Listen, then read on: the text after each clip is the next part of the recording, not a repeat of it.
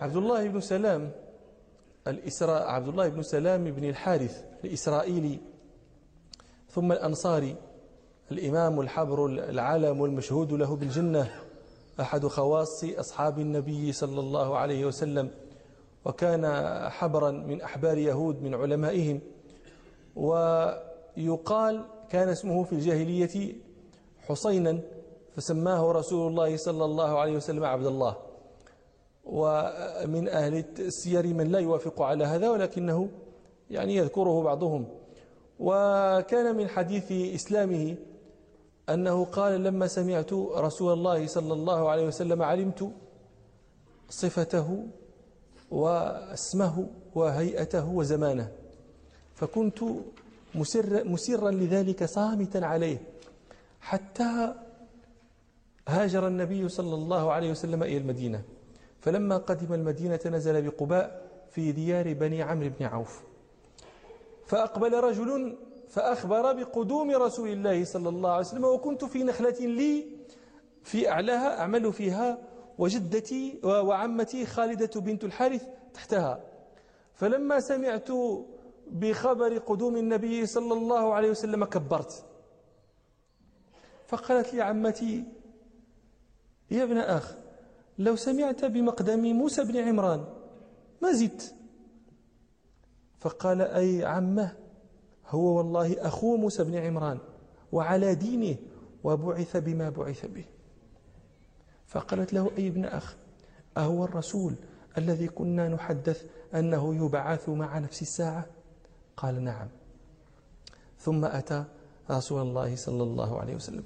روى الإمام أحمد الترمذي عنه عن عبد الله بن سلام رضي الله عنه قال لما أتى رسول الله صلى الله عليه وسلم المدينة انجفل عليه الناس فكنت في من انجفل قال فلما تبينت وجهه عرفت أن وجهه ليس بوجه كذاب فكان أول شيء سمعته منه صلى الله عليه وسلم أنه قال أفشوا السلام وأطعموا الطعام وصلوا بالليل والناس نيام تدخلوا الجنة بسلام. وأروى الإمام البخاري عن أنس رضي الله عنه قال لما قدم النبي صلى الله عليه وسلم كان عبد الله بن سلام في أرض له يختلف يعني يجني ثمارها. فلما سمع بمقدمه أتى النبي صلى الله عليه وسلم فقال له إني سائلك عن ثلاث لا يعلمهن إلا نبي. ما أول أشراط الساعة؟ وما أول طعام أهل الجنة؟ وما الذي ينزع الولد إلى أبيه أو إلى أمه؟ فقال له رسول الله صلى الله عليه وسلم حدثني بجب حدثني جبريل بذلك آنفا. فقال له عبد الله بن سلام جبريل؟ قال نعم.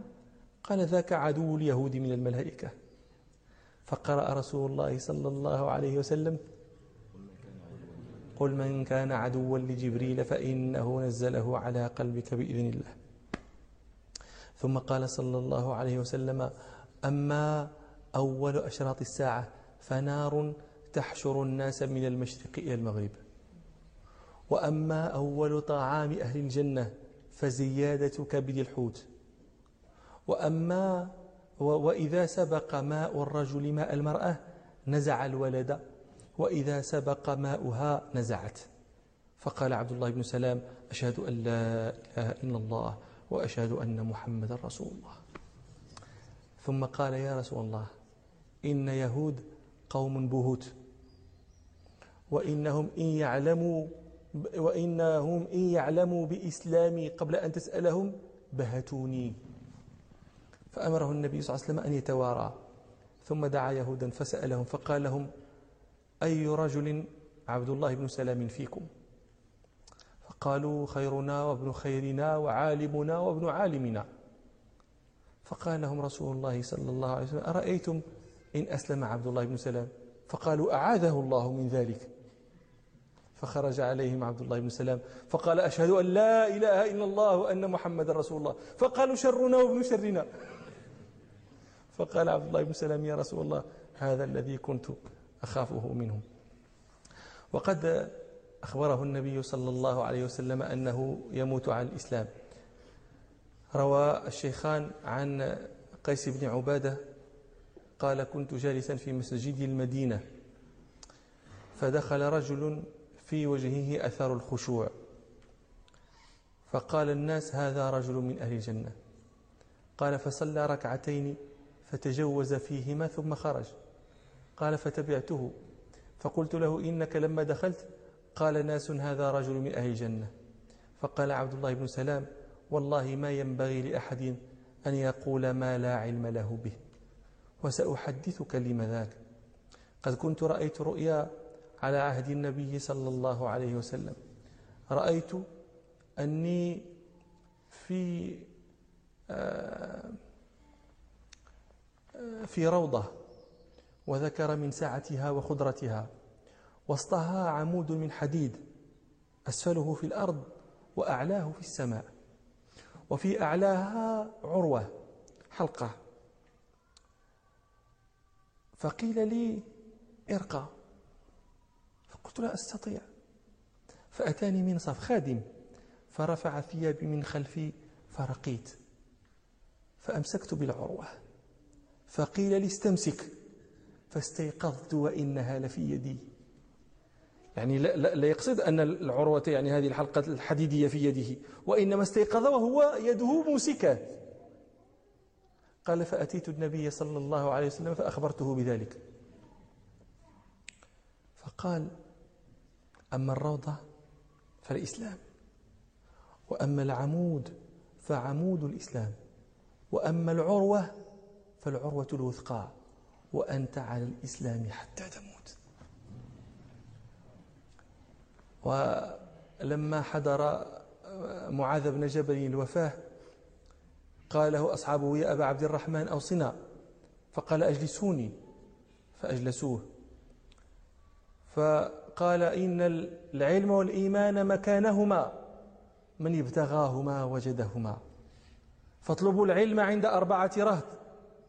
عند عويمر أبي الدرداء وعند سلمان الفارسي وعند عبد الله بن سلام الذي كان يهوديا ثم أسلم. فإني سمعت رسول الله صلى الله عليه وسلم يقول هو عاشر عشرة في الجنة.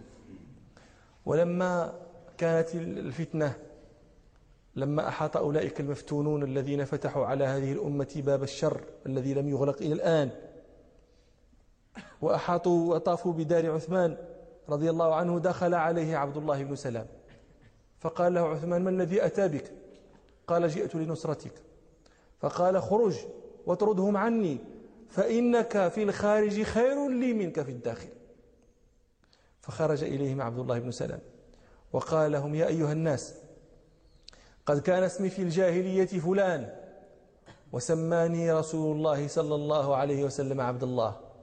وفي نزلت آية ونزلت في آيات من كتاب الله عز وجل.